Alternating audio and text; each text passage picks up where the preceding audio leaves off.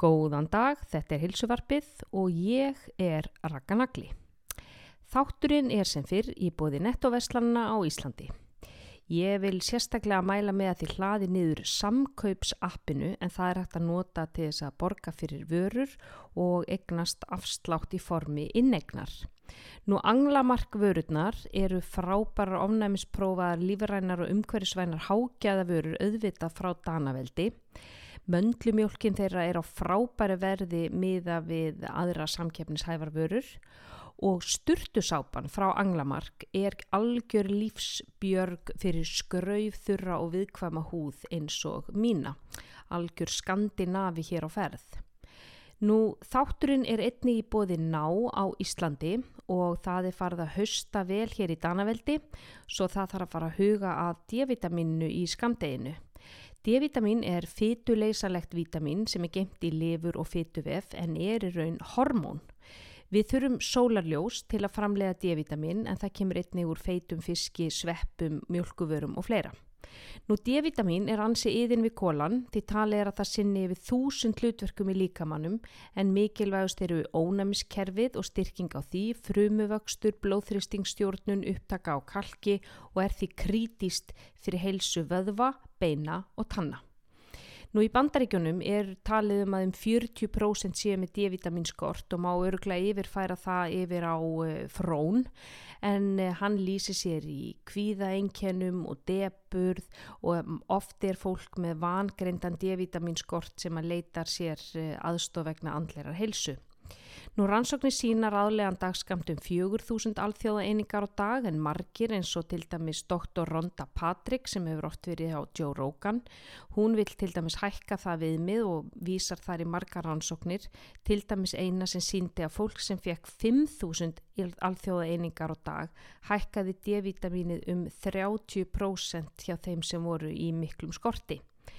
D-vitamin belgir 2000 alþjóða eininga litlir belgir fást í netto í háverslun sem er á bílsöfða 9 og á háverslun.is en þar í háverslun fá einnig einar frábæra Houdini útivistavörur, Speedo, Sundfutin, allt geggjaða stöfi frá Nike, uh, allt frá Ná, uh, þið fáið þar allar munavörurnar og þar er líka var að opna hábar þar sem getið fengið gurmetis, grauta og smúðinga og ég veit ekki hvað og hvað. Þannig að það er vel þess virði að leggja likki og leðsín og fara upp á bilsöða. Nú í þessum tætti heilsuvarpinu er ég að tala við Fridrik Agna Árnason, dansara og eiganda Happy Studios. Við tölum um karakterin Snobbu sem er örgla svo finnast að síðan Bippa á Brávallagötunni var á hétt en við förum líka í uh, hans lífslaup og við förum í alvarleiri sálma þar sem hann opnar sig að miklu hugrekki um kynferðisofbeldi sem hann varð fyrir á unga aldri og þökkum við honum fyrir að vera svona opinn og einlegur og skemmtilegur eins og hann var í þessu viðtali. Dásanlegt viðtal við dásanlega mann Gjöruð svo vel, hér er Fridrik Agni Árnason.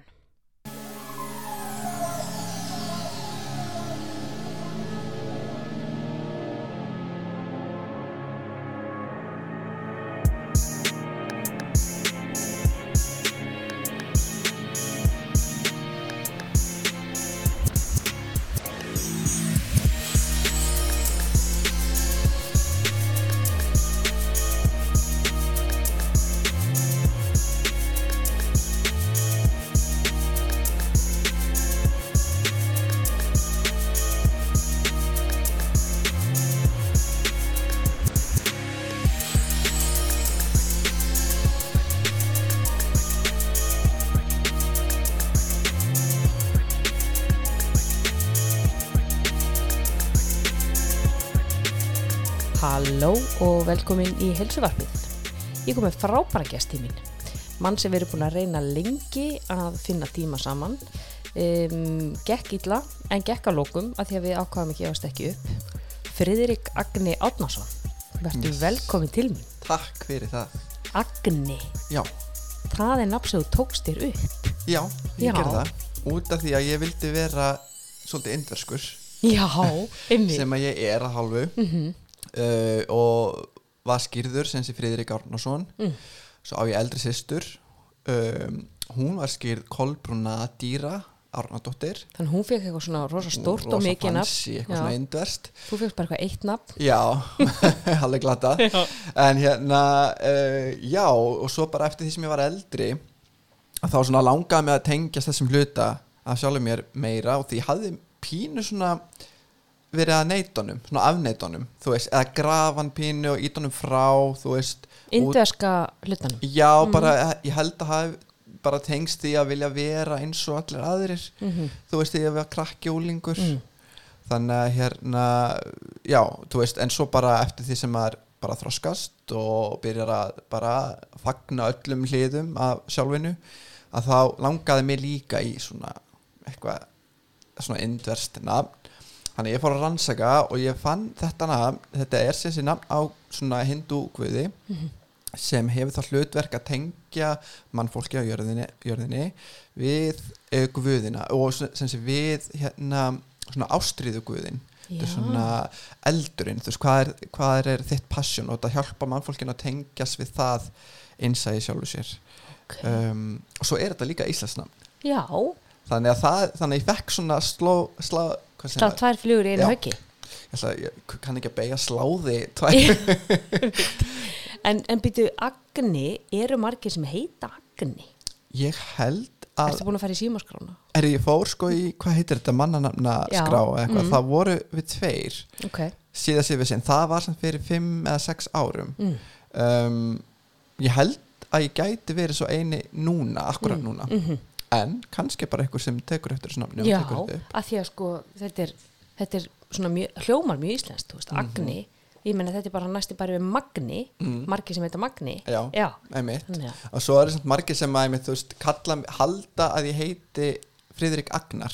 Já, því það er náttúrulega algengar nafn Já. Agnar. Mhm. og hérna halda bara ég sé eitthvað svona að reyna að vera cool með að kalla mig Agni. Já, já, já, en Ag- já, já, einmitt. Og líka Agnar Ögn, þú Já. veist að ég meina þetta, þetta er til í mörgum myndum en Friðrik Agni, þú ert dansari þú Mm. Já. ert uh, skáld mm. þú ert verkefnastjóri Já. þú ert eigandi að Happy Studios þú ert nefandi Mm. núna og þú ert bara maður með mörg uh, járn í eldinum, má maður segja já, já, já, það er það er, já, þú finnir að maður heyrir einhvern annan já, upplista svona allt sem maður er að gera sem er alveg satt, ég er að gera allt þetta það svona virka maður pínu svona já, byttu nú við, þetta er svona manneskja sem veit greinlega ekkert hvað hann á að gera í lífinu. Ég uh, er bara einhvern veginn í öllu. Já, en ég er bara farin að eins og ég sagði áðan með að svona fagna öllu hlut, hlutum af sjálfinu já, að bara, ég er bara þannig. Mhm. mér langar bara að gera rosa mikið hef áhuga rosa mörgu og mér langar að láta það ganga upp fyrir mig Mhm. að vera fást við allt sem ég hef áhuga á. Og, og þess vegna þú veist er ég bara svolítið í hinn og þessu. Mhm. Og hef verið þannig pínu svona undarfarin kannski 6-7 ár Mm. uh, en ég byrjaði hins vegar að vinna svona frílans alveg bara 2008, það er mjög langt síðan Vá. og þá var ég bara nú við 21 ás þannig að ég já, hef verið mjög lengi svona að gera eitthvað svona við hliðin á þú veist námi og við hliðin á sem sé fullustarfi Mhm. þú veist þá var ég að stílisera og taka myndir og veita eitthvað ráðgjöf ykkur svona skapandi verkefnum. Mhm. þannig ég hef alltaf verið einhvern veginn svona uh, já, svolítið svona frögrandi um að gera hitt og þetta. Mm. um, þannig að þú ert hvað, þú ert 35, 6 ára? Ég er 34 ára. Já, já, uh, sem sé verið 35 ára núna á, á þessu ára aðfangadag já, og nú Jú, jú. jólabarn júlabar, já, júlabar hvernig er eiga ammala aðfangadag það er, það er bara gaman sko ég fór alltaf fengið, þú veist, ammaliðskjöf að því að svo margi æ, þú fær bara inn hérna sameila þú veist, Mm. já og Það svolítið oft. kannski í öllu stressinu einhvern veginn já, það var alveg oft þannig frá mamma og pappa já, þú veist, þá ákveðu þau svona að gefa mér kannski eina stóra gjöf, eitthvað sem þau Einmitt. vissu alveg ég vildi eiga Mhm. og hérna, það var bara gaman enda líka að segja, þú veist, ég þekki ekkert annað. Nei, þú veist, ég veit ekkert hvernig það er að eiga ammali okkur um öðrum degi. Nei, og þannig ég bara er mikið jólabarn Já. rosalega mikið jólabarn. Ég og hérna, og bara já, ég held reyndar svona upp á síðkast að hef ég ekkert haldið mikið upp á afmæli mitt. Um, en það var alveg gert þegar ég var yngri. Mamma og pappi pössuðu alveg að ég ætti svona bekkjarammæli og heldur svona kaffibóð fyrir fjölskyldun einhver staðar hann að milli jól og nýjás og svona. Já, þannig að það var alveg, þú veist, þannig ég fekk alveg eiga pínu, þú veist, mitt moment já, já, já, já. um, og var það haldin ammali eins og bekkjar ammali e- eftir áramót þegar skólinn var byrjaður Nei, ég, yfirleitt var það svona í jólaösunni þess að var alltaf fyrir jól, minni mig mm. uh, og eins og ég segi, núna þá er ég bara þú veist, ég er að spá að taka þetta bara svona, ég held upp á þrítu samanlega mitt Mm. fyrir fimm árum, þannig ég er að spá að halda upp á það núna Já. Svona fimm ára fresti ok, já það er mitt, maður á að halda upp á svona þessi, þessi fimm ára, þú veist, Mm. þrítugs 35, 40, 45 þú veist kannski hinn eins og ég er að verða 43 ára núna, veist, ég þarf alltaf að hugsa sko, er Já. ég að verða 42, 43 þú veist, maður, maður er komin þann aldrei maður er að reikna sko Já. og það er ég bara, þú veist, ég ámæla að lauga degi núna og ég bara, oh veist, ég er rosa ammælistrótning en ég nenni ekki. Ég nenni ekki líður eins og þú verðir að gera út af þér á lögati að þeirra lögat er eitthvað svona pressa sko ég bara, já, en, en þú veist, já, maður nennir þess ekkert alltaf. En sko, þó segir sko að, að þú sett svona ok, sumir halda ég bara veit ekkert hvað ég ætla að gera, veist, er einhvern veginn öllum mér samt allt sem þú ert að gera tengist. Mm.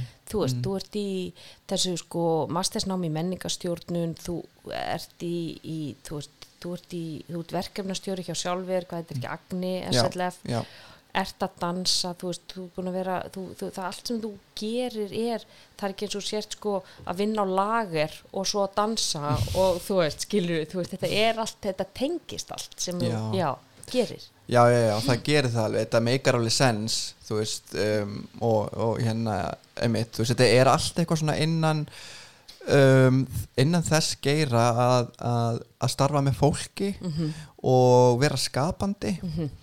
uh, þannig að það er kannski eitthvað sem saminar allt þetta, þú veist, að vera skapandi um, segja sögur Mhm. uh, hugsi lausnum Mhm.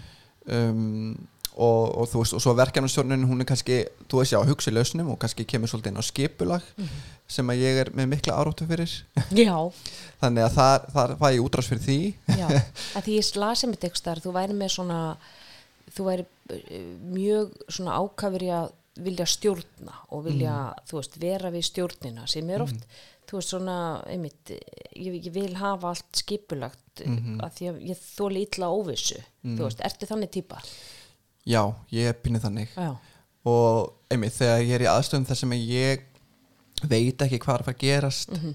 uh, þá missi, missi mann alltaf stjórn og hefur ekki stjórn og það finnst mér mjög óþægileg staða að vera í Mhm. um, en þetta stafar líka bara pínu út frá kvíða Já. þú veist, þetta Já. er ekki endilega beint að maður sé þú veist stjórnsamur nei, uh, en þetta er meira svona bara óöryggi og kvíði já, akkurat. Þú veist, og kvíði er óþól fyrir óvissu veist, Já. við þólum illa að vita ekki, ok, hve- hvernig verður þetta nákvæmlega? já. Já, og, og þú veist, en ég hef líka svo er ég líka bara pínu meðvirkur. Mm. þú veist, ég er ekki eitthvað alveg veikur af meðverkni en ég er samt svona kannski bara svo mjög margir eru og kannski flestir með einhvers konar hérna, meðvirki á einhverju stíi já, uh, og þá stundir fer maður líka svona að gýra einhvern veginn að vilja stjórna. Mhm. þú veist, einhver er að gera einhvað og maður heldur byrju en þetta sem maður er að gera, hefur það kannski líður henni kannski illa yfir því, svo ég stundur maður að skipta mér að manninu Já, mínum, já. að það sem Já. hann er að gera bara, og passa, þú veist varstu búin að tala við þennan og fannst þetta sjálf í lægi, þú veist, Já. hann er bara nennur að hætta að skipta þær að já, já, já, já, þú ert bara, ég er bara að gera mitt, sko þú ert alveg urlandi people pleaser já, Já. ég er pínu þar, já, sko já, og Það passa allir líði vel og allir séu glaðir og, Já. og meiri þess að þannig þú fyrir að skipta sambundum annara Já, já, já, þess að þú veist gagvart fólki sem ég þekki valla og ég meira þess að þú veist það sko svona meðvirkur einhvern veginn eins og það að horfa á svona raunveruleika sjónvarpað sem einhver er að keppa í söng eða eitthvað svona svo idol og allt þetta. Svona áhennapröfur það sem er svona óþægilegt, þú veist ég bara ekki, ég get ekki horta á það nei, svona óþægileg moment ykkur, Já, það sem einhver er svo lélegur en er sem dórlega einlægur, þú Já. veist og svo einhvern veginn er fólk bara að hlæja, þú veist, ég, fæ, Já. ég get ekki horta á þetta Nei. ég get alveg horta þannig þætti þegar komið í úrslið þar sem allir eru bara svona góðir Mhm, já, já, já, já, þú veist, en ég bara þú veist, ég fæ bara svona meðvirkni sroll og bara svona, æ, hún Já. langar bara fara og, Og knúsa hann bara. knúsa og bara segja, þú veist, haltu bara áfram að gera það sem langar Já. að gera, það er allt í en, en hugsaði samt hugrekkið að fara af stað Mm. að þú veist, syngja fyrir framann einhvern og þú, og þú ert ókslega lélugur en þú veist, þetta er svo mikið hugrekki að standa á sviði og þú veist, ok, annarkvort held, eða sérst, ertu þú veist, í ykkur sjálfsblekkingum og þú sért rosalega góður. Mm. eða þá þú ert bara tilbúin til þess að bara, heyrðu, ég ætla bara að láta vaða já, ég bara sjá hvað gerist, Mm. veist, ég veit að ég er ekki góður, en þú veist, það, það má reyna. Mm. og maður svona bara ah, respekt á það, sko. Já, já, það er algjörlega já, ég dáist algjörlega fólki sem að fer í svona þætti og, og hérna lætur bara, þú veist alþjóð sjá, þú veist eh, hérna svona berskjölduna í því að bara að um, hvað heitir það, svona leitast í draumana sína. Já, þú veist, jafnvel, og jafnvel að leifa bara þjóðin að fylgjast með þeim brotna skiluru, mhm. Þú veist ganga ekki upp, það er alveg þvílíkt hugur ekki Mhm. sem þarf til þess og ég held að fólk kannski átta sig ekki alltaf á því en þetta er alveg pínu nöðsilegt að sína svona þætti finnst mér, svona raunverika sjóar uh, það sem þú færið að fylgjast með líka draumum rætast en sér líka kannski og suma drauma, þú veist, ekki vera veruleika. Mhm. Um, ég horfi nú ekki mikið reyndar á svona þætti vera veikun en ég gerði það aðeins á tímabili. mhm. Uh, og ég fyllist alltaf svona innblæstri við að sjá, þú veist, einhver sem bara, þú veist, er, þú veist uh, að vaksa og dafna í gennum þetta ferli og verður ógst á góðu söngvari og maður sér einhvern sjálfströstið verða, þú veist, eh, miklu meira og svona. Já, uh, og því ég er ekki með mikið svona hugur ekki, ekki þú veist, það eru margir hluti sem ég þori ekki að gera ennþá, ok, eins og eins og til dæmis bara til dæmis að syngja, ég Ok. elska að syngja. En ég hérna mér var sagt þegar ég var úlingur að ég syngi ekki vel.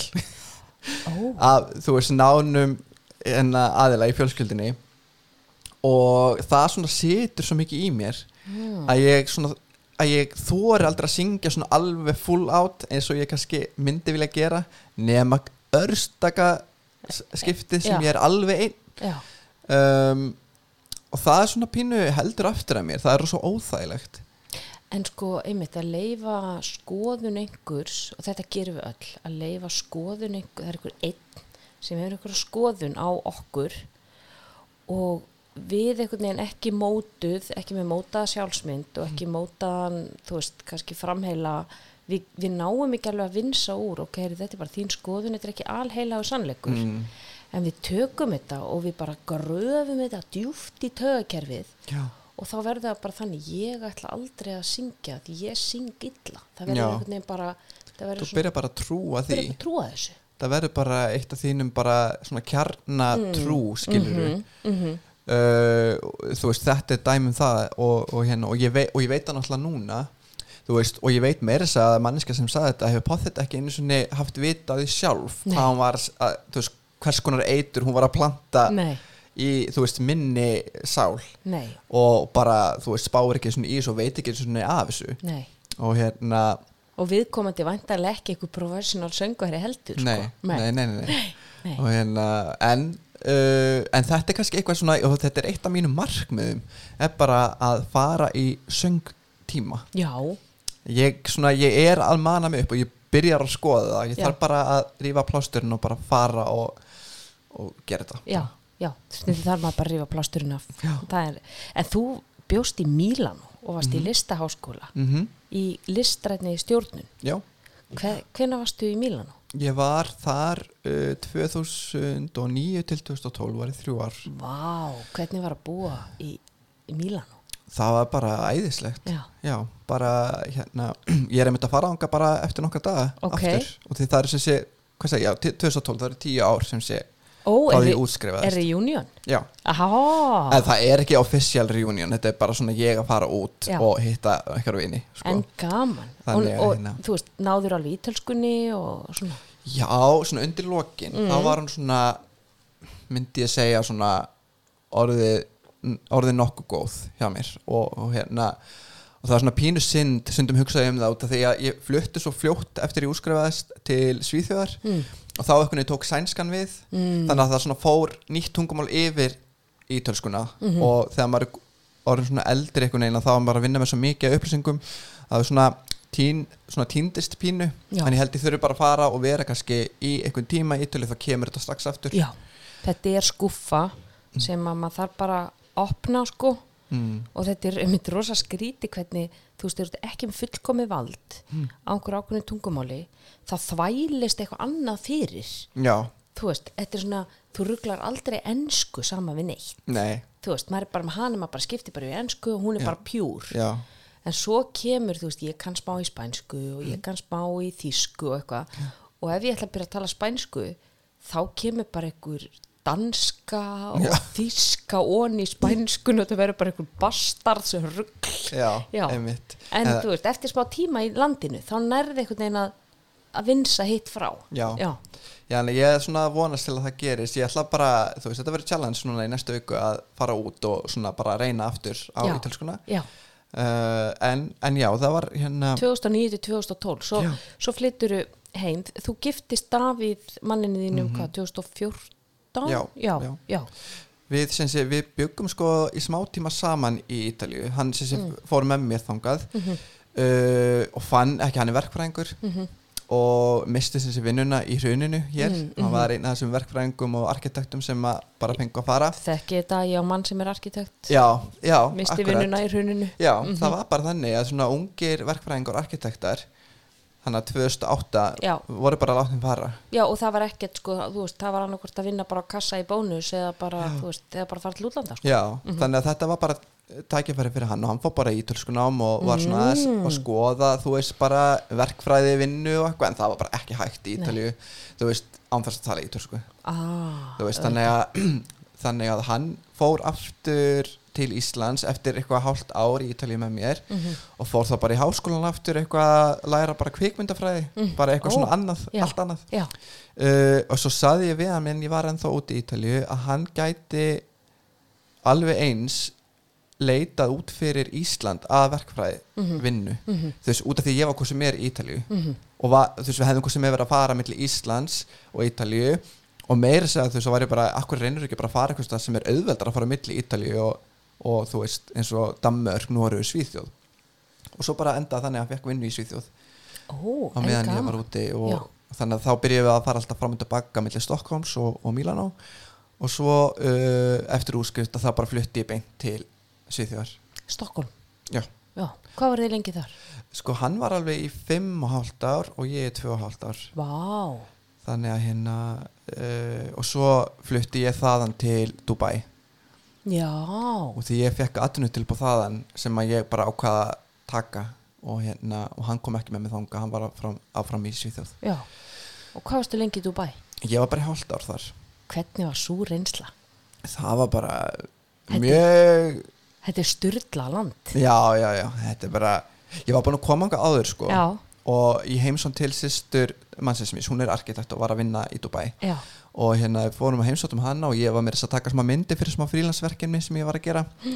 Uh, þannig að hérna og eftir þá heimsók þá var ég mjög heitlaður af einhvern veginn bara uh, þú veist borginni. Þú veist, við var svo mikið kraftur hana og okkur svona allt öðruvísi.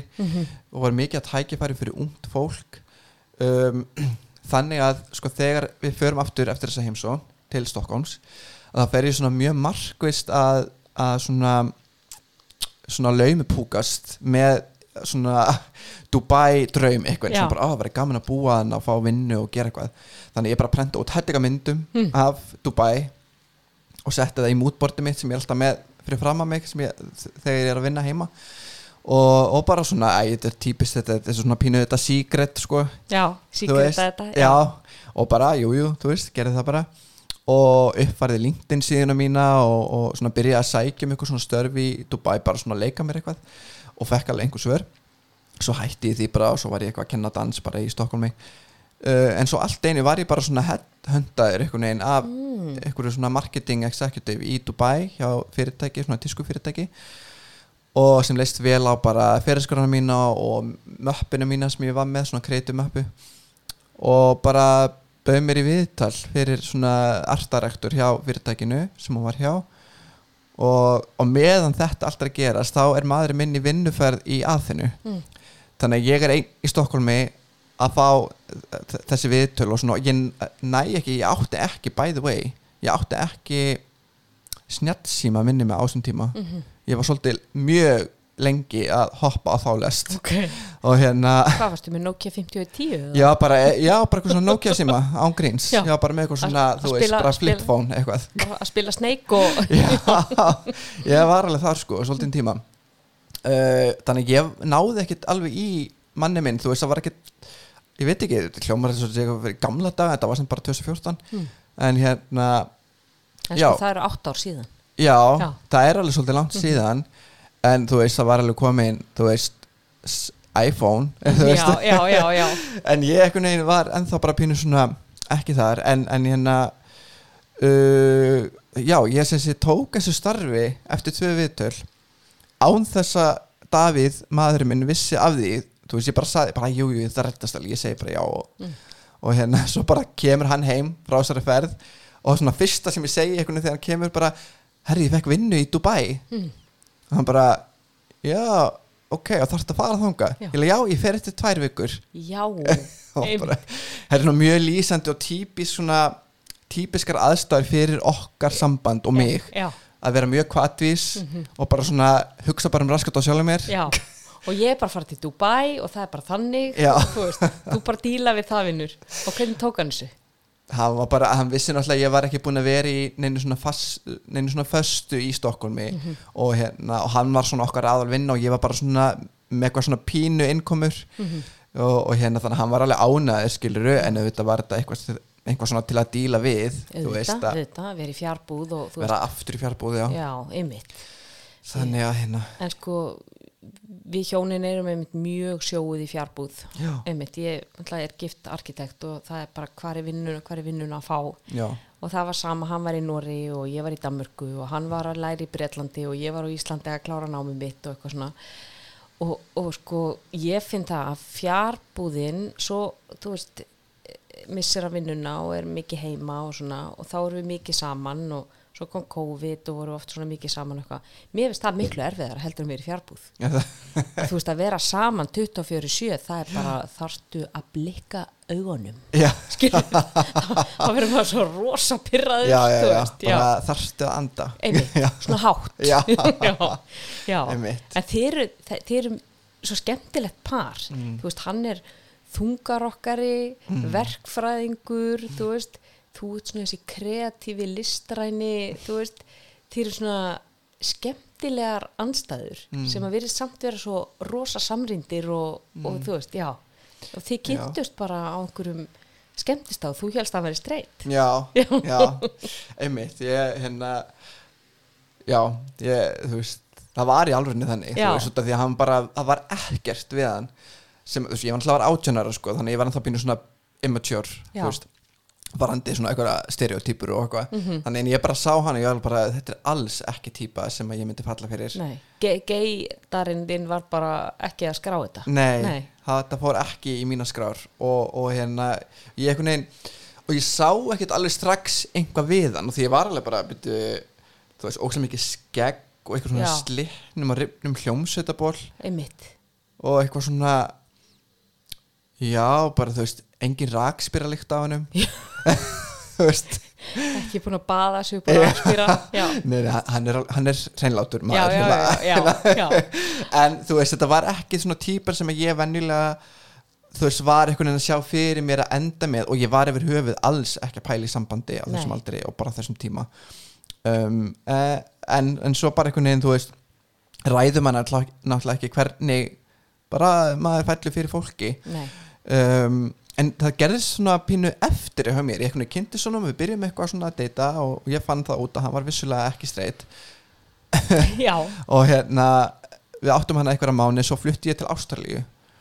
Og ég vissi að það var alltaf framundan. Mhm. þú veist þannig að ég var kannski pínu svona ekki að hleypa mér inn í uh, þessa hrifningu af honum eins og ég kannski hefði geta gert ef ég ætlaði bara að vera á Íslandi. Mhm. um, en svo bara einhvern veginn úti hinum einn á hnettinum Mhm. þá fattaði ég bara hm, það var nú eitthvað þarna við þennan strák fjarlægðin gerir fjöllin blá Já, Mhm. það átti vissulega við Mhm. í þessu tilfelli uh, Þannig að uh, já, ég var, var þannig að stættur í Ástralíu og uh, þú veist, var að dansa og kenna og sína og keppa og eitthvað alls konar um, og bara var komin pínu ógeð á dansinum á þessum tíampunkti og það var ekkert, það var bara aðstæður eitthvað og líka bara þessi keppnistans Mhm. þessi keppnis eitthvað fannst mér vera orðið svo þú veist ég elska að dansa mm. uh, en allt um, umfangið í kringum dansin fannst mér vera orðið svona ómikið bara pressan Mm. og uh, hérna og líka klíkuskapurinn Mm. og, og hérna í þessu keppnistæmi Mm. var bara mér orðið svona ofviða einhvern veginn í hausnum að díla við og líka bara fjarlæðin við þú veist, fjölskyldunum mína Mm uh, út af því þetta er ekki eitthvað svona ætla að skreppa heim Nei, nei. þú veist, það kostar Nei. bara 200.000 Já, tekur 24 tíma og, Já. já mm um, þannig ég bara tók einhvern veginn bara þá ákvörðun bara ég ætla að tjekka á hvað geti orðið með þessum strák heima Mhm. uh, út af því að ef ég gera það ekki núna að þá bara gæti þetta tækifæri aldrei koma aftur Já. með þú veist, Já. hugsa ég á þessum tíma þannig að hérna, og ég er mjög fegin að ég geri það Hver er bakgrunnin í dansi? Þú veist, hvað ertu gamall þegar þú byrjar að dansa? Því þannig ertu orðin þreyttur að dansa út ekki nefn 18 ára. Já, eh, ég var sko, ég var 19 ára þannig Já. þetta var, sko, þetta var ég flutti heim á, ég flög heim á ammælisteinu minni þegar ég varð tvítur Ok. frá Ástralíu og hérna var hann mjög eftirminnilegt já. tvítursammæli, bara í flugvél. einn í flugvél og einn á flugvél í Singapore og London en og hérna var alveg, þú veist ég mani mitt eftir ég var eh, sko í London á jóladag og ég mátti ekki fara út af flugvellinum þú veist, yfirleitt maður er með langa bið þá getur maður farið og þú skilur töskuna eftir og átt svona smá dag, en ég mátti ekki gera það, það var eitthvað í gangi flugvellinum þannig að ég var einn á jóladag í okkur svona depressing svona gráum svona flugvelli í London og hérna allt bara, já, býða eftir að komast heim og eitthvað Og desember í London er ekki mitt, þetta er ekki, þetta er ekki hressandi andrúsloft. Sko. Nei, þetta var úgeðslega svona depressing og svona margir svona einir, þú veist, á ferð og Einmitt á jóladaga. já, allir eru svo mikið að reyna að komast heim og Mhm. eitthvað um, En já, ég sé byrjaði í dansi fjögur ára Var það samkvæmstansar eða bara Já. svona? Já. mhm. Það er bara algjörlega minn grunnur er bara alveg þar Mhm. Þannig að dansin sem svona keppnis uh, í keppnisformi er það sem ég þekki Mhm. uh, og ég skrifaði mér þess að þegar ég var í menningarstofnun þá skrifaði ég lokareikirna mína um sangamistans og svona kultúrun í kringum sangamistans Ok. og var að bera hann í rauninni saman við dans sem listform og því að núna er sangamistans flokkað sem íþrótt í rauninni Já, já, en auðvitað er dans í öllu eðli sínu listræn já. listræn tjáning Mhm. þannig að ég var svolítið að bera saman og talaði við uh, keppnisdansara Mhm. sangamistdansara sem sé og þú veist dansara uh, og leikstjóra og svona þú veist dansara í íslenska dansfloknum og svona Mhm. og bara bera saman bara þeirra upplifun á sjálfu sér sem listamanni í rauninum Og hver var niðurstaðan? Það var í rauninni engin svona svoleitt niðurstu þetta, þetta er svo rosalega heimspekileg spurning Mm. í rauninni að fjalla um hvað er list og hvað er ekki list og hver er listamaður og hver er ekki Mhm. listamaður því það fer að endingu einhvern veginn bara eftir því þú veist hvernig þú upplifir heiminn og ég get ekki sagt herru nei, það er ekki þannig Mhm, um, það er bara þinn sannleikur mhm. þannig að og að sko að mestuleiti að þá voru sangamistansarar líka að upplifa sig sem einhvers konar listamenn Mhm. Þú veist, í þeirra þú veist, expression þegar þeir eru að dansa, jáfnveg þú að sé að keppa þú veist, þá eru er þeir þetta samt þeir eru að nota líka með til að tjá Mm. eitthvað og þeir eru að að gera það með þessum fókusverða aga sem fylgir samt tækninni í sangaminsönsum Mhm. og það er kannski öðruvísi tækni í listansi, þá snýst þetta meira um bara, þú veist, meininguna á bakvið, hvað þú ert að hvað sög þú ætlar að segja með þessu dansverki Mhm. uh, með að við kannski í sangaminsdansunum ert ekki beint með svona heilt verk, þú ert bara með nokkra mínútur. Mhm. og þú ert með ákveðna tækni sem á að vera til staðar í fótaburði og, og, svona, og þannig og líka speitingu uh, þannig að hérna en það er samt þetta þú ert samt að tjá eitthvað. Já, já, en það kemur þetta keppnis element inn Já. í samkvæmstansana sem að eh, sko, þá, eh, ég, þú veist, eina sem ég, ég þú kann ekki að dansa til að berga lífið mínu sko, en þú veist, ég, get borðið þetta saman með crossfit mm. skilur, crossfit er aðfrafræði þar sem að, þú veist, maður fer inn í ræktina og þú veist, þetta eru ákveðna sjö svona reyfi ferlar sem líka minn gerir, þú veist, það er nýbeja, þú veist, það er deadlift, Mhm. það er, þú veist, framstig og svo erum við að við erum að toga eitthvað á okkur og við erum að íta eitthvað frá okkur bæði, þú veist, backpressu, róðri axlapressu eða niðurtók. Þú veist, þetta er bara basic sjö reyfi ferlar. Og við erum alls konar æfingar í kringu þá, hvernig við setjum það saman. Það er svona aðfrafræðin, svo ertu með íþróttina crossfit. Og það er þessi crossfit leikar sem við sjáum í sjónvarpinu. Einmitt. þar sem fólk er náttúrulega bara að gera eitthvað sem að þú veist, ég meina bara einhverja fimm mínútur af því og við bara, þú veist, venjulega fólki ég meina við myndum bara leggjast á gólfið og sjóa puttan og ringi mömmu sko. þannig að, þú veist, þetta er þessi munur á, ok, hvenar er ég að tjá mig með dansi sem listform og nota líkamann og þú veist, hreyfa líkamann í ákveðnum ákveðnum hreyfingu sem dansin býður upp á?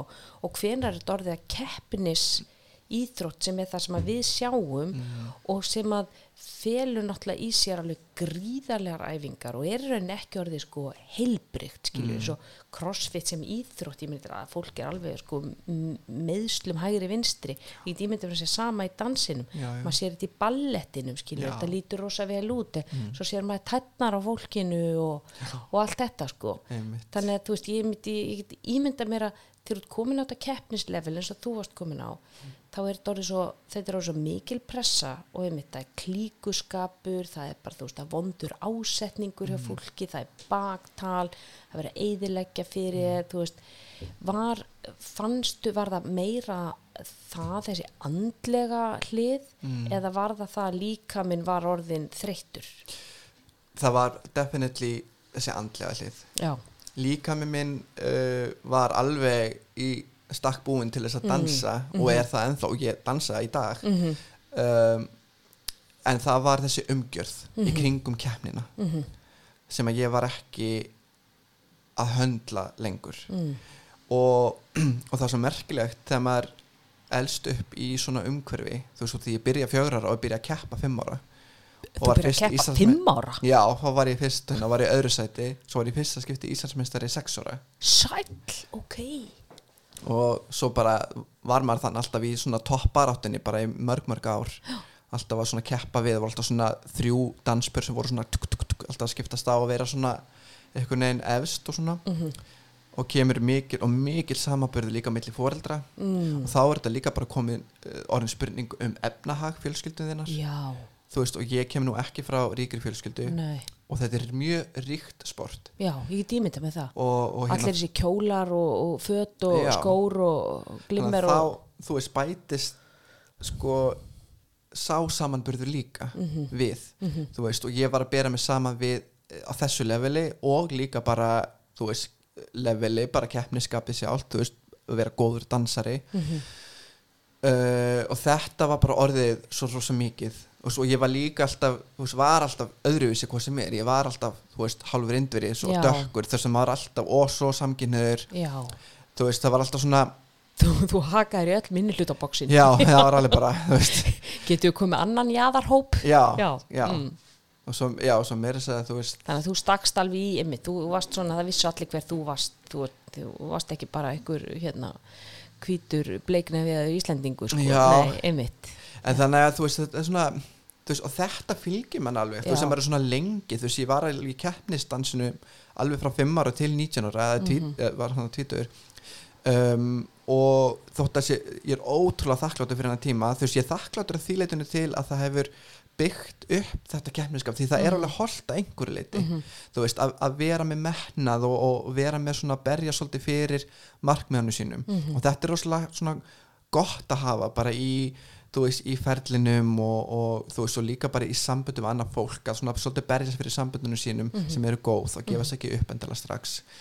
Um, eins og til dæmis bara í maka samskiptum og þannig. Mhm. þannig að það er alveg hefur svona plantað ykkur svona keppnisfræjum sem er, geta verið heilbrið Mhm. ef maður notar það á heilbriðan hátt. Uh, en svo getur maður líka getur þetta líka alveg farið í öfgar. Já, og eitrað, eitrað. og eitrað algjörlega og skemmt fyrir manni sjálfum Fannstu það þegar þú varst hann í Ástralíu? Fannst þér þú vera að verða öðruvísi karakter að því að vera í þessu samfélagi? Eða þú veist, að vera, eða mm, nei, sko eða, fannst þetta hafa áhrif á þig sem mannesku í þínum samböndum eða fannstu, fannstu fyrir streitu, fannstu fyrir að vera að brenna út, bara út af þessu þessu svona Já. eitrað umhverfi það var, sko, það sem eiginlega fylgdi mælin hjá mér sko í rauninni var uh, þú veist, það gekk alveg vel hjá mér og stelpunni sem ég flutti út með sem heitir Ásta. Um, þú veist, við, vor, við vorum að standa okkur svo vel á öllum mótum, við vorum svo unnum fyrstu keppnir sem við tókum þátt í hana úti. Og, og hérna og, og ég var alveg að elska dansinn alveg fyrstu mánuðina sko, þegar við vorum hana en svo var allt í kringum þetta þú veist hvað allt kostaði hvað ég þurfti að vinna ógeðslega mikið fyrir því að kaupa öll dansföt og skó og, og hérna en það var þú veist það var alveg vel hugsa um mig hana það var þessi Adam og Karen Ríf sem að búa núna hér og eru að þjálfa og alls konar og, og þú veist eru svolítið mikið í hérna allir geta dansað þáttunum. Já, já, og koma svolítið að þeim og Karin er að dæma og, og Adam er að, hérna, að sjá svona listanarsjórnun emitt í því. Þau eru, eru frábær, þau bara pössuðu okkur vel og þannig, sko, þannig að þú veist, utanumhaldi fyrir mig og stuðningsneti var alveg til staðar, en það var bara samt þessi keppni og það sem fylgdi mælin sem ég ætla að segja var þú veist, við vorum ykkur svona party í kringum ykkur heimsveisramóti sem var haldið í Melbourne. Og það var svolítið svona, þú veist, það var einn sem ég þekkti hann sem var bara, herði, þessi er svolítið mikið að fylgjast með þér og eitthvað svona. Og það myndi örglega alveg, þú veist hérna, vera með þér eða eitthvað svona, þá var þetta einn af dómarunum ó, þú veist, og hérna og þá einhvern veginn eh, þú veist og þá vissi ég alveg, þá var ég alveg búin að heyra út undan mér áður að einhver, þú veist, sem ég þekkti sem var í dansiðana þú veist, hafði verið með einhverjum sem, þú veist, er dæma stundum og svona. Já, ok. Uh, þannig að það var kom, við erum komnir á þann aldur Mm. og komin á þann aldur að, að þú veist, maður er kynferðislega, Mhm. þú veist, aktífur Mhm. og þá var þetta bara orðið hluti líka Já. að þessum klíkuskap og þetta hvað steila næstu bara svona sofi hjá á toppin eða já, þú veist, Já. það bara er þú veist, it's a thing, skilur já, og það er ekkert djók nei, og, og þá veginn misti ég svo mikið áliti á þetta, ég einhvern veginn misti bara svona hva, hvað er pointið með þessu.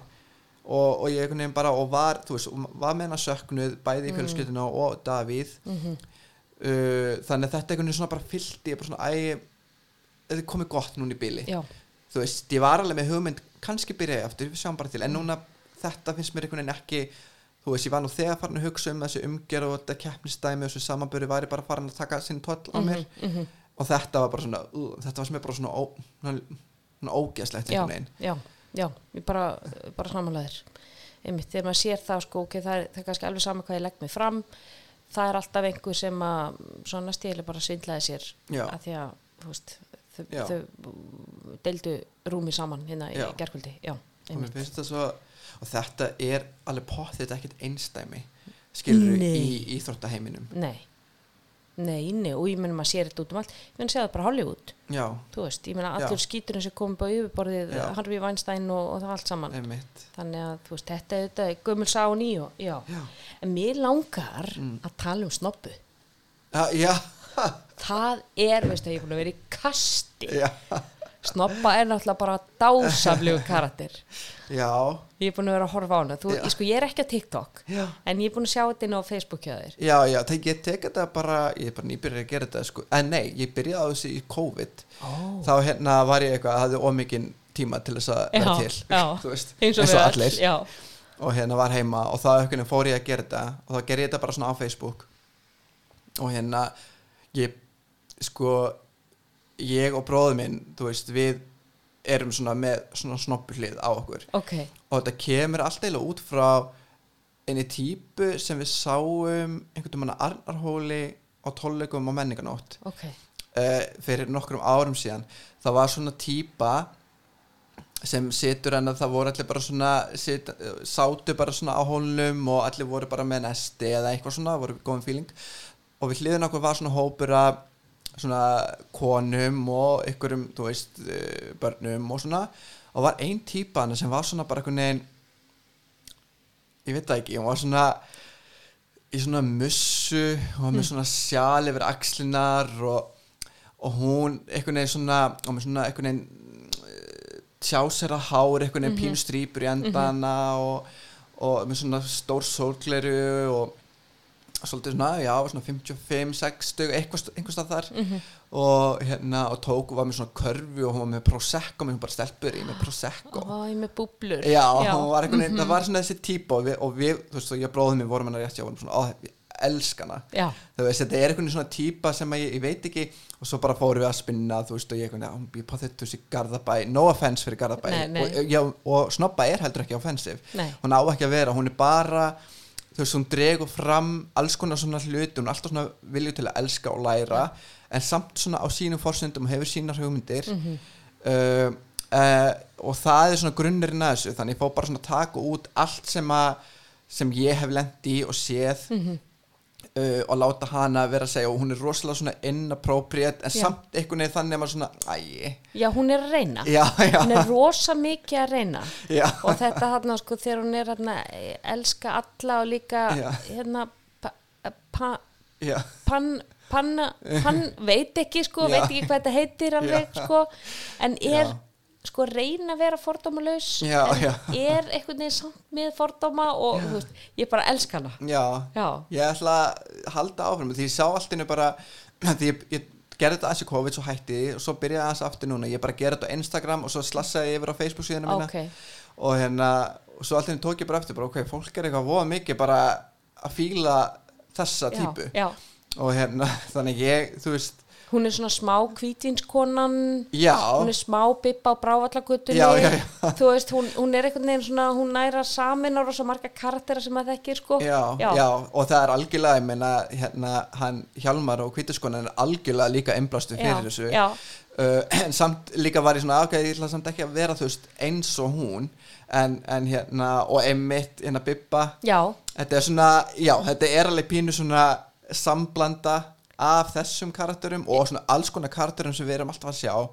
Og hérna og, og ég reyna að tengja þetta við einhvern veginn þú veist ég bý alveg vel að því þú veist líka að hafa lendi bæ, bæði sem þú veist samkynhör eða tekinhör einstaklingur uh, og hálfur Íslendingur og Já. dökkur og svona hefur maður lendi alls konar svona. Já, uh, og ég ætla bara að draga þetta pínu fram. Já. Og, Og- og, þú gerir það svona húmorískan hátt mm. sem er samt með svona alvarlegum unditón finnst mér já, já, já, þetta er náttúrulega alveg issue Já. þú veist, og, og ég mitt var alveg svona pínu, ég var að tala um svona að vera pansexual. Já, það er einfallega dreigið út frá bara þegar ég sjálfur vissi ekki hvað það var. Nei, þú veist, þegar var fyrst byrjað að tala um það og ég er bara bytta nú við, hvað er það? Já, og hérna, og því ég sé, ég skilgrinni sjálfa mig í rauninni sem tvíkin hefða mannesku þú veist, og hef alltaf gert en ég kom aldrei út úr skápnum. Mm. aldrei, ekki sem hommi og ekki sem, það ekki? Þú veist, ég bara fann ekki eh, ég, þú veist, ég fann eiginlega ekki þörf fyrir að gera Nei. það. Sem kannski bara segir að, að hérna að minn stuðningur og mín fjölskylda er það opinn að ég fann ekki einu sinni eitthvað svona að ég þarf að taka þetta fram. Nei, nei, ég bara var alltinu að hitta strák og þá bara var þannig. Og, og hérna það þurfti ekki að gera eitthvað serimóni úr því að þú veist, nú er ég að tilkynna öllum þetta. Nei, nei. nei, það var ekki þannig. Og, og hérna Æ, mér finnst það ótrúlega fallegt að því að þú veist þú veist, ég, hef oft sagt að, að kynneið fólks er einhvern veginn eitthvað ég, þú veist, ég er neitt að ræða hann eitthvað sérstaklega. Ég ætla að ræða það að þú ert inn í bláum þú veist, það er bara eitthvað sem þú ert þú veist, hver er þú sem manneskja þú veist, ertu skemmtilegur og fyndin og þú Já. veist, hlý nærvera og þú veist, það er það sem að gera okkur að, að fólki sko. og einmitt eins og í dag þú veist, það er einhvern veginn hvort einhvers í hommi eða lesbi eða eitthvað, þú veist, þetta, eða kynsegin eða trans eða pan eða mér finnst þetta orðið einhvern veginn bara já, það, við erum ekkert að ræða það eitthvað sérstaklega nei, veist.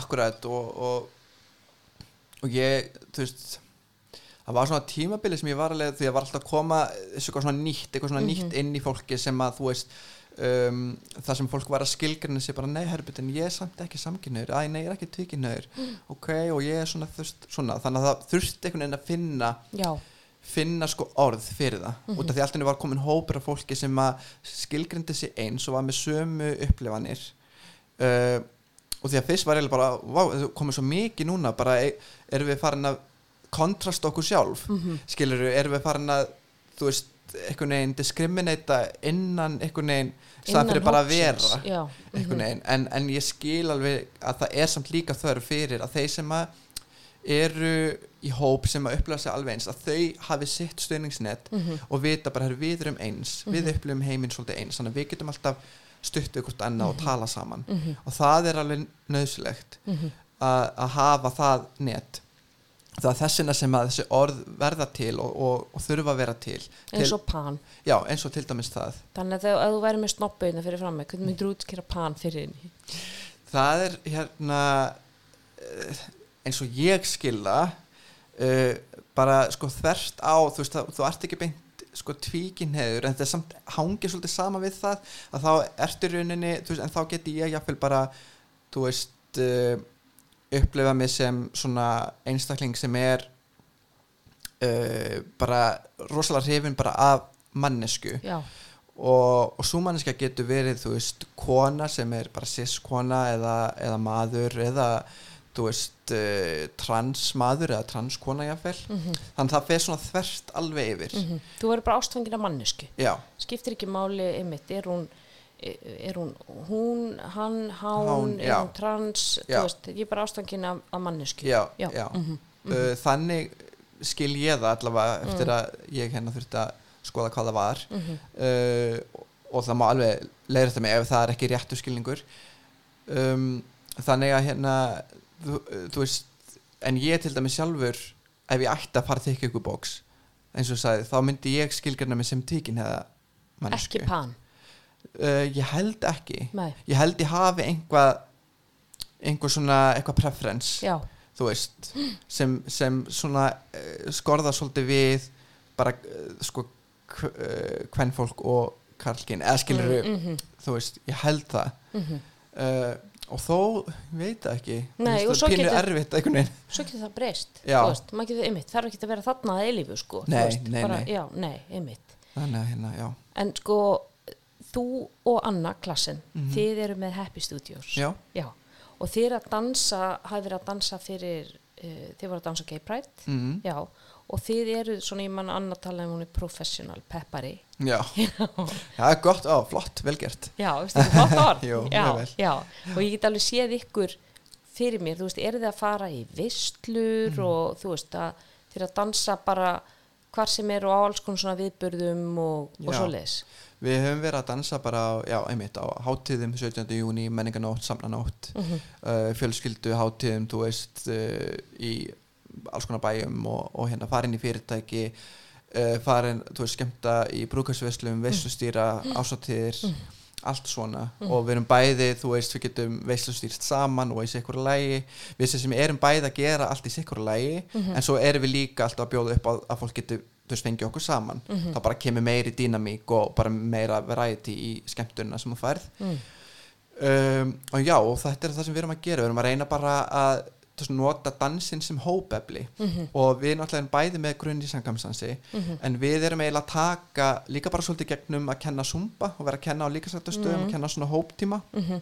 þá erum við að sjá bara þú veist, dansinn er bara svo gott verkfæri til þess að koma fólki saman og, og til að þú veist, umbreyta orku og, og bara fá svona gleði í líkamann mhm. Og- algjörlega, og, að fá endorfínin og já, serotóninni og vera með öðru fólki og Já. þú veist, fá þessa þessa nánd og við erum að gera eitthvað saman við erum að reyfa okkur saman.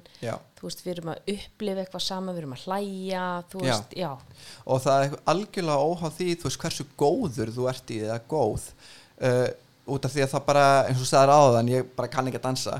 En veist það skiptir ekki máli þegar þú kemur svona í eitthvað, eitthvað stemningu sem er bara party já, og þú ert bara að reyna að fylgja þú veist við erum annað til staðar skiluru Mhm. og við erum bara að peppa fólkið skiluru og allir dansa bara á sinn hátt. Já, og skiptir engu máli hvort þú sért í takti, hvort þú sért ekki í takti hvort þú sért að gera nákvæmlega eins og ég eða ekki.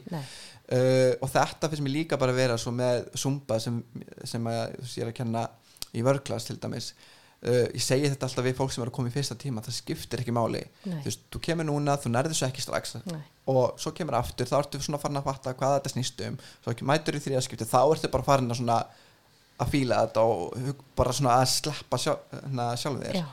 Að því það er magna með dans þú veist, einmitt, ég segi, ég get ekki dansað og ég saði það við önnu sko, ég, ég, ég pallatímunum og öllu svona dansdóti þú veist, þetta er bara vonlust sko, ég er bara með engan takt, ég er taktlösasta manneski sem finnst en þú veist, ég elska samt að dansa að Já. fara í partí Já. og dansa og það kemur eitthvað, þú veist, gott lag og þú ert alveg bara að dansa á fullu þér líður svo vel Já, það er bara, það losa bara gleði hormóni þau bara, þau bara Já. dundrast upp og það er enginn sem er í fílu á sama tíma Nei.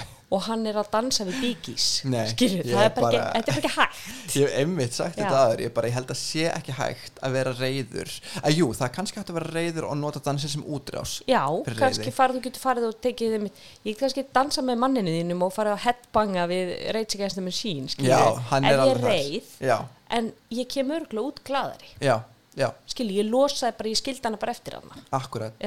Einmitt, ég meina að maður minn notar þú veist, sína rocktólis skilur svona 90s alls konar ó, hérna ég þarf eitt að mannið þín, Já, við þurfum að fara í grönd saman, já, já, hann er alveg bara þessi tíma var, var hérna típa, hann var einmitt í gær með gítarinn í gærkvöldi. Þegar vorum að býða eftir að þóttavælinn kláraðist já, það var hérna, hérna pick up lög gítarinn hérna og bassan Metallica lög. Ó, Þú veist. já, bara, hann er alveg svona sko. Já, og hérna uh, og hann er með þetta hefur komið mér inn í þú veist rocktólist, Já. ég var ekkert mikið að hlusta á það áður. Nei, og hérna að það, og hann far sína útrás skilur bara með Ramstein og Metallica og öll þessu. Akkurat, einmitt, og við erum öll með okkar, okkar eitthvað svona preference, sko, já, veist, og það er, þú veist, dans er bara öll hreyfing sem er bara það sem þú heyrir takt heyrir hljóð og þú bara líka með fer í eitthvað eitthva feng með Mhm. já, því, já, sama hvernig það er. Já, einmitt, að fá, fá að reyfa líkamann. En uh, mér langar að spyrja um, uh, sko, þú hefur verið mjög opinn með atvik sem átti þessi stað á menninganótt mm og, og nú förum við úr sko gleði og glaum í dansi og sumpa yfir í bara, þú veist, þingstu þingsli. mm. Uh, þú lendir í kynferðisbroti, þú lendir í kynferðisofbeldi og á þess að fara eitthvað út í það en þá ert þú búin að vinna mjög grundíkt í því með sálfræðingi og þú veist og hluti af því kannski að einmitt að skila skömminni svolítið og bara láta vita þú veist þetta sem ég lendi þetta er menningarnótt menningarnótt er trigger fyrir mig þú veist mér líður ekki vel á þessum degi og þú þarna úti sem að gerði mér þetta þú veist ég bara skrifa smá bréf til þín. En sko hvernig hefur þetta ferli verið að vinna úr svona ránglæti og ofbeldi að verða fyrir því? Hva- hvað hefur þið gert til að hjálpa þér? sko já, sko ég lendi í þessu því ég var 12 ára Guð, þú ert ekki um að 12 ára, já. já, ég var mjög, þannig að ég var svolítið lengi held ég uh, ég held ekki, þú veist, ég veit að veist, ég áttaði ekki beint á hvað gerðist Mm. í svolítinn tíma og þess vegna líka náði ég að fela þetta ég vissi, en skömmin var rosalega mikil Já.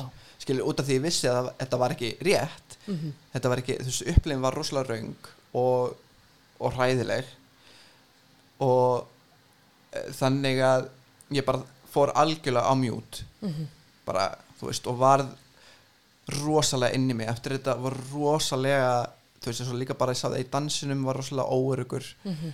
og hérna var að díla við ótrúlega mikla svona sjálfsöryggiskompleksa Mhm. eftir þetta uh, en það líða nokkur ár þegar máli er að sko ég, ég lendi aftur í kynferðsópeldi Nei. segna sem að gera það verkum að þetta Blossar upp. já, blossar upp Já. aftur og þá veginn fer ég og því að það mál var alveg þannig að, að það fór þú veist ég þurfti að mæta fyrir dómstól og svona alls konar Já, því það var svo stórt mál, það var stórt mál á Íslandi það var svo Já. fjallað um í fjölmiðlum já. og hérna En varst þú þá vitni? Eða þú veist, hva, hva, hva, hvernig komst, varst þú einn að kærendum eða?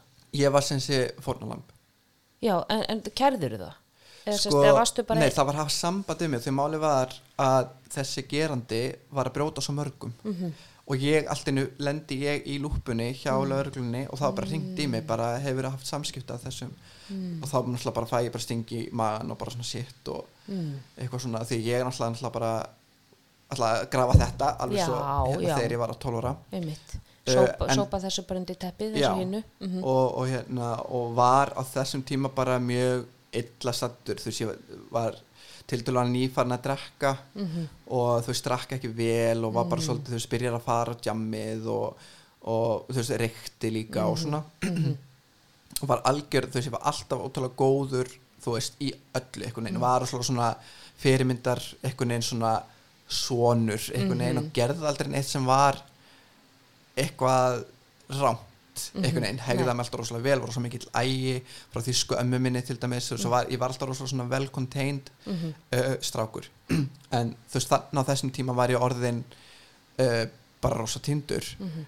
um, og var með bullandi átrúskun líka Já, án þess að ég vissi það ekkert þú veist ég var bara að passa mig að vera ekki feitur já, varstu með þá listastóli eða eða, ég var eiginlega með ég var eiginlega með bæði já, búlimi já, sem var einhvern veginn sem sé að passa allt sem ég borðaði og borðaði eiginlega bara ekkert sko. Uh, og svo var ég orðin svo svangur á okkur í tímpunkti að ég bara, ah, bara borðaði og ég fóð mér þess að fram sko á kvöldin eftir allir fór að sofa Já, og fór að borða. Já, og svo fekk ég svo mikið saminskupið mhm, eftir það að þá fór ég á klósitið og og, losaðir og drakk alltaf alveg bara ókslega mikið vatn. Til þess að, út af því ég gat ekki Nei. Þá- öðruvísi. Já, já, já. En, En, þetta að er þetta er svona coping mekanismi það, það er ofta að fara í listastólið eða sérst að til þess að hafa, þarna hefur stjórn já, þetta er stjórn. bara algjörlega Já. Mhm. þannig og þetta er bara akkurat það að því þú eru upplifað stjórnleysi og öryggisleysi í þessum aðstæðum já, Mhm. og það er bara, einmitt, þú orðaði mjög vel þetta er bara akkurat, þú veist, bara ég ætla að stjórna þessu Já. Mhm. ég er bara algjörlega við stjórn þegar maður er svo 100% ekki Nei, þú veist, þetta er svo rosalega mikið sjálfsblekking og það er bara eitthvað sjúkdómir sem er að stjórna þér Mhm. Um, en, en það var sem sé þannig að sko þegar þetta mál kemur upp, þetta setna mál þá segi mömmu og pappa frá hinnu mm. og þau alveg bara, ég man að mamma brotnaði niður og, og hún ég, þú veist, það hefur verið náttúrulega áfall fyrir fóreldra mína Mhm. þú veist, út af því að já, ég veit ekki, við höfum ekki rætt að ég og mamma hvort að hún hafi upplifað eins og hún hafi verið ábyrgð því alltaf svo ungu þetta gerist Mhm. en aðstæði bara voru þannig að hún hefði ekki geta stoppað þetta uh, því þetta gerist bara á mjög stöðum tímapunkti þar sem ég kveð mömmu og pappa og er að lappa til vina minns já. Og er þá, svo er það að stóða með hann á milli mm. þú veist, og ég náði að fela þetta svo vel. Mhm. þú veist, ég bara þú veist, og ég veit ekki hvort að mamma mun hlusta þetta skilur bara þannig að hún viti, þú veist, að það uh, það hefði ekkert verið eitthvað sem hún hefði geta gert til þess að þessi maður hefði ekki gert þetta skilur uh, því hún var hennilega ekki á staðnum og það er alltaf lægi skilur Mhm. um, En heldur að hún hafi áfælst sjálfa sig? Ég, ég gæti trúa því sko, ég man mjög vel eftir því hvar ég satt einhvern veginn inn í herbyggja og við töluðum um þetta og þú veist og hún fór í mikið sjokk sko, þú veist, mm því hún vissi ekkert af þessu. Og bara hvernig ég hafi náð að einhvern veginn fela þetta svona mikið. Um, og, og svo náttúrulega fóru mamma og pappi með mér uh, þegar var, ég fór í svona viðtal mm uh, um þetta mál og hérna svo kom reyndar ekkert út úr því og við fengum ekkert uh, engar skadabætur og eitthvað svona en þetta var fjallað um þetta mál það voru svo margir úlingstrákar Mm. sem komu að þessu máli mm. og hérna þannig að það var erfitt og í kjölfarið að því Mm. að þá var mamma og, og pappi þú veist þau voru bara þú þarft við þurfum að þú þarft að fara til og já, já, já, þú veist, uh, ég hef verið í fyrsta bekki ment og þannig já 16, 17 Já. já. Mm og þá bara fer ég til sálfræðings Mm. uh, ég fer líka sko ég fer fyrst til sálfræðings sem að mamma og pappi þekktu Mm. það er bara eitt skipti og ég fer kjölfarið til geðlæknis Mm. og það er bara einn og einn tími Mm. og svo fer ég til sálfræðings sem ég er svo áfram og hitt alltaf einu sinni viku. Mm. og hún uh, hjálpa mér mjög mikið. Og, og líka í gegnum hana að þá fer ég hitta næringafræðing Mm. og með þessum aðilum hefst svona þessi sjálfsvinna. Já, já. Um, ég man ekki, ég held ég hafi verið í svona ár hjá þeim.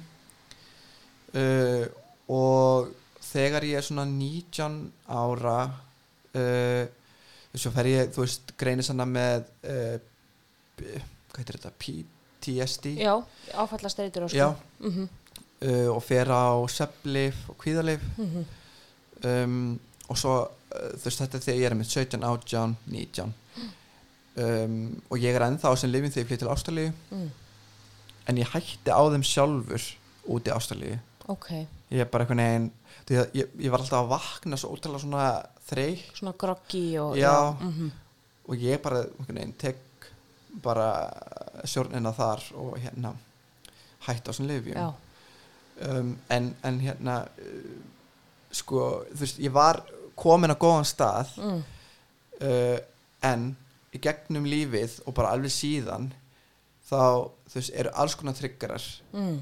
sem að, þú veist, út af því að það sem gerist fyrir mann, þú veist, það er náttúrulega ekki, þú veist, það hverfur ekki. Nei, þú veist, það er einhvern veginn í sálinni og það ívist stundum upp Mhm. allt í einu, bara þú veist, þú heyrir eitthvað, einhver Já. segir eitthvað við þig eða þú sér einhver annar lendir í einhverju eitthvað svona, þú sér eitthvað í þætti eða kvikmynd, þú veist, alls konar tryggarar þú veist aldrei og það getur verið bara lykt einhver ákveðin sem að þú bara áttaði ekki á. Veist, það, þetta, er, þetta er endalaus það veist, einmitt, sjá eitthvað, heyra eitthvað já, einhver að tala um, veist, það er mjög þú veist, kynferðisbrot kynferðisbrot í fjölmiðlum, eitthvað Já. stórt mál skilur, það, það, og þú getur aldrei brinja þig fyrir þess, það er ekki nema þú farið bara og búir í einhverju gjótu jótaðarhraunni skilur, einmitt, þú veist. einmitt. Og það er bara, og það er mikið og ég man þegar allt þetta Me Too byrjaði og bara, og í kjölfarið hafa bara svo mikið málum komið upp á yfirborðið og, og maður er alltaf svona pínu uh, já, ég veit ekki uh, þú veist, það er, að rifja alltaf upp Mhm. einhvern veginn og maður fer alltaf í einan gýr einhvern veginn og maður, þú veist, ég uh, þú veist eh, sendi alveg sundum skilabóð eða þú veist, að það sem þetta er á einhver sem er að opna sig fyrir eitthvað sem lendir í Mm. bara þú veist bara, bara styrku til þín Já. veist og eitthvað svona fallegt, og þú veist það er eina sem maður getur gert mann alltaf fer ekki inn í máli og fer að skipta sér að En finnst þið það hjálpa þér í þínu bataferli að einmitt að svona uh, hafa samband við þólendur, láta vita þú veist, ef þú þarfst að tala ég hér, ég lendi í Mm. svipuðu eða þú veist, styrkuti þín já, er það liður í að, að takast á við þetta? Já, ég held í hver skipti maður sendir eitthvað svona litla, eh, litla orðsendingu á eitthvað sem er að gangi í svona, þá er maður svona, maður er líka pínu að tala til sjálfsins Mhm. bara, ó, ég vildi ég hefði heyrt þetta Mm. þú veist, hvað hefði ég vilja heyra þegar ég var 13 ára Mm um, bara þú veist, ein, einhverja kvartningu -hmm. um, þannig að það er alveg absolutt einhvers konar svona bat, hluta bata sko En hvað hefur svona verið svona nýtilegasta verkfæri sem þú hefur fengið frá þínum sálfræðingum? uh, Hvað myndir ráðleggja einhverjum sem að kannski hefði lent í kynferðsbroti er að burðast með skömmina, þorir ekki, þú veist, lifi núna í þögninni, hvað myndir, hvað ráð myndir gefa viðkomandi? sko, fyrir það fyrsta að þá um, myndi ég segja bara í guðanabænum bara fyndu einhvern, einhverja eina mannesku um, í kringum þig sem að þú treystir ef þú ert í þögninni ef þú ert ekki búin að segja og ert með bara broti hjarta og brotna sál út af einhverju sem gerðist uh, það myndi ég segja að væri fyrsta skrefið Mm -hmm. um, ef þú treystir ekki einhverju sem þú þekkir þá reynlega bara að ringja í hlutlesan aðala mm. 17, 17, 17, 17 Péta eða Péta Kvennaatkvarfið, Kvennaatkvarfið Bjarkarlið, Bjargið uh, Bjarkarlið, Bergið Bergið.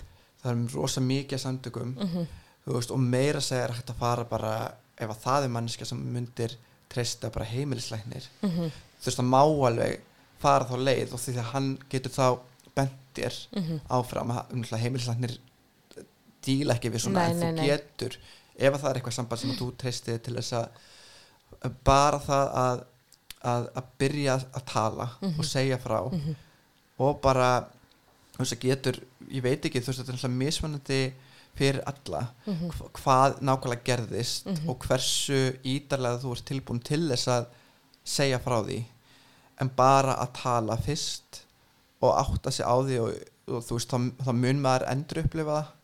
Þú veist, aftur og það er rúkslega erfitt þannig að það er rúkslega erfitt að tala um það fyrst.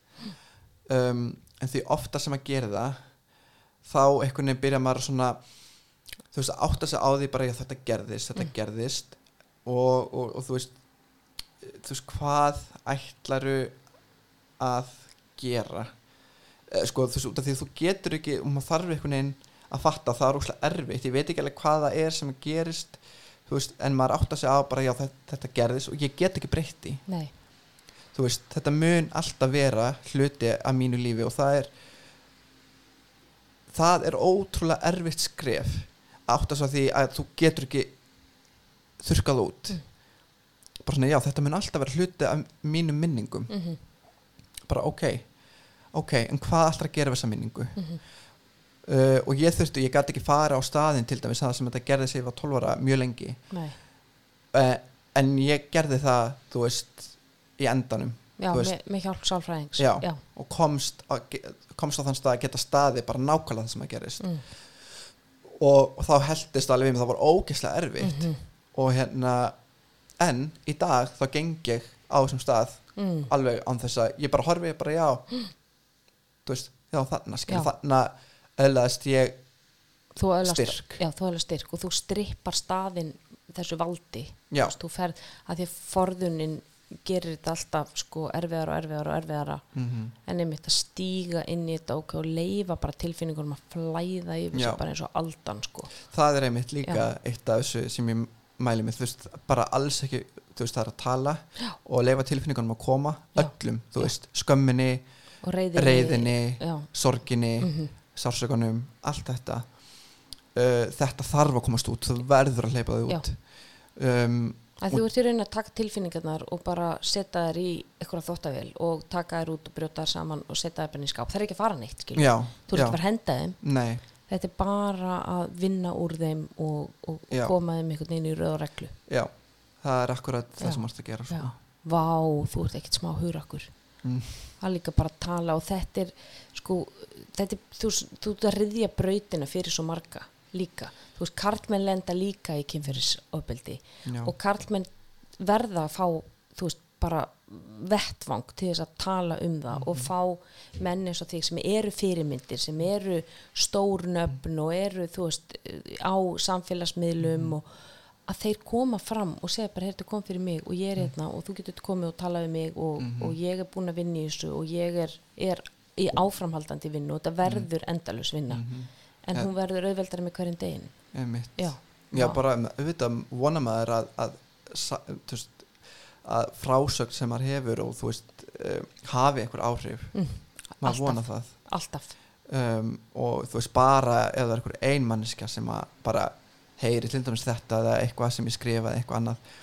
Þú veist það er tilgangurinn með þessu skilur þú veist að hérna þú veist ég þóri bara að opna mig þú veist það, maður þarf bara að vera hugrakkur þú veist einhver þarf að gera það þú veist um, til þess að þú veist aðrir síðan komið fram og verið síðan hugrakki sjálfur Einmitt. Það er Eh, að taka þennan ömulega atbyrg sem þú lendir í og ég er að gefa honum einhverja, einhverja meiningu. Veist, ég, ég er að hjálpa einhverjum einmitt. í staðinn.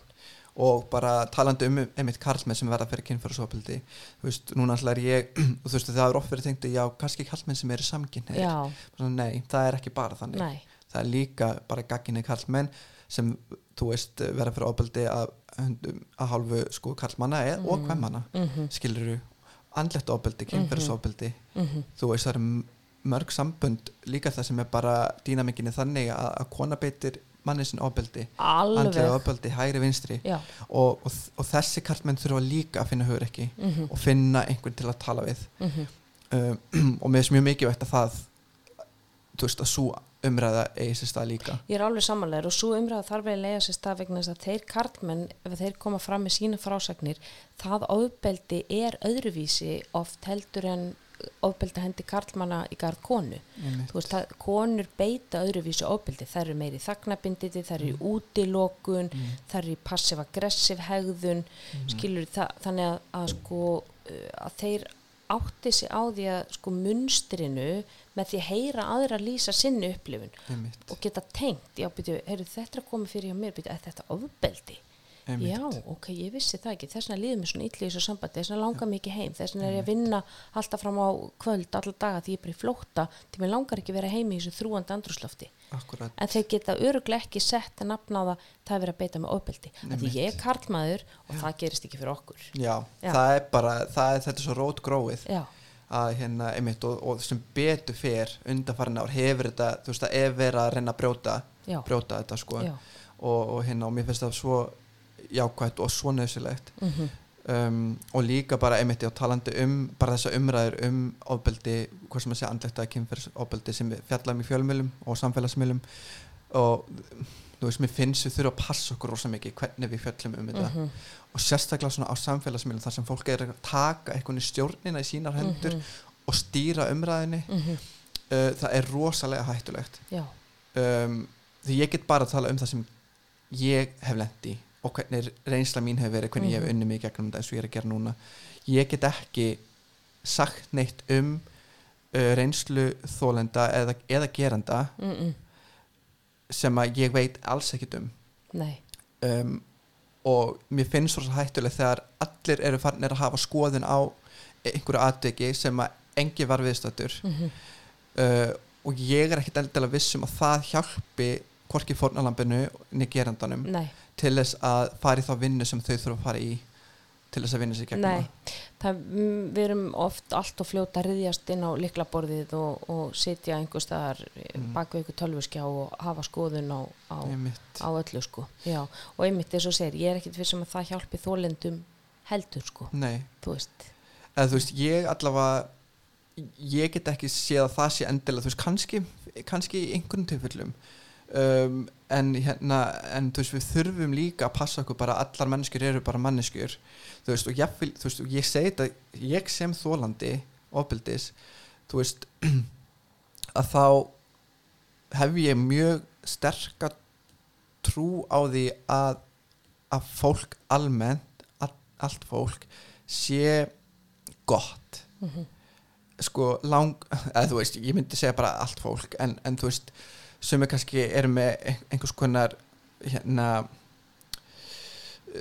þú veist geðveiki eða eitthvað skilur en ég held, ég held samt í grunni þá fæðis við góð mm. þú veist um, þannig ég hef sterk að trú á að þeir sem beita ofbeldi hafa lendi að beita ofbeldi um, ég fæði þótt að hafi verið að ásettur á því og þá ertu bara brotin einstaklingur Já, sem hefur rosalega brotni sjálfsmynd og sína lífið og heiminn eða þá þú gerðir það ó, óvitað mhm, þú veist það þarf að vera einhvers konar uh, grip mhm, undir uh, sko fyrir gerendur líka mhm, uh, út af því þess, við megum ekki veist, þau, uh, þeir þurfa þess, eiga þeir bara að vera útilokaðir bara að eilífu. Já skilur það þarf, það þarf að fara svolítið svona varlega í þessa umræði mhm. og ég átta mig alveg á því þú veist, að því að sko ef að viðkomandi er búin að sína ok, ég er að vinna í mér og, og ég er ég er farin að vinna hjá kvennaatkvarfinu ég er farin að ég eh, vinn með þólendum ég er að ég er á námskeiði sjálfur ég er búin að átta mig á því það sem ég er verið að gera er ránt ég kom frá brotnu heimili ég var sjálfur beittur ábeldi ég átta mig á því að það er triggerinn minn. Skilur, ok, e, getum við þá ekki bara tekið þessum einstaklingi aftur, hann er að bæta sig. Mhm. þú veist, við þurfum ekki að vera með nortna brennu að eilífu Já. og hann sé útskúfaður og kanselaður og fær aldrei af, afturkvæmt. Hvers svona samfélagi er við þá Já. þú veist, að því eins og segir fólk er í grunninn kannski ekki vondar manneskjur en það framkvæmi vonda hluti. Mhm. og kannski er einmitt sko rótin að þeim vanda liggur í bara eh, kannski hörmulegum aðstæðum og þetta er bara einhver sko eitthvað valdatæki til þess að ég hafi einhverja stjórn einhver staðar og þá síni ég að ég hef stjórn yfir annari mannesku vegna þess að pappi landi mig alltaf þegar ég var lítil ég hafði enga stjórn og faldi minni skáp eða skil við vitum aldrei hvaðan viðkomandi kemur ég mitt þannig að ymmit, eins og segir. En vá, hvað er bara gaman að fá þig. Við erum búin að fara við víðan völl. Já, ha, við erum búin að fara frá gleði yfir í þingsli og, og allt þar á milli. Já. bara Friðrik, frábært að fá þig. Ég þarf eiginlega bara að fá þig bara í, í, í part 2 sko. Yes, algjörlega, ég til í það. Og ég ætla bara næst ætla að fá manniðinu við ætlum að tala um Metallica og, og herðu, ég, ætla ekki að taka það bara fram. Hann er sko ógeðslega mikill aðdándi þinn. Að hann vildi helst koma með mér hann þurft að vinna guð ég, ég er orðin aðdáðandi hann sko. Ég og hann erum að fara að hetslama hérna á, á, á einhverjum, einhverjum góðum rocktónlingum sko. En takk kærlega fyrir komuna Friðrik, æðislegt að, fá þig og til ykkur lustuði góðir, takk fyrir að hlusta á heilsuvarpið og þang til næst, verið bless.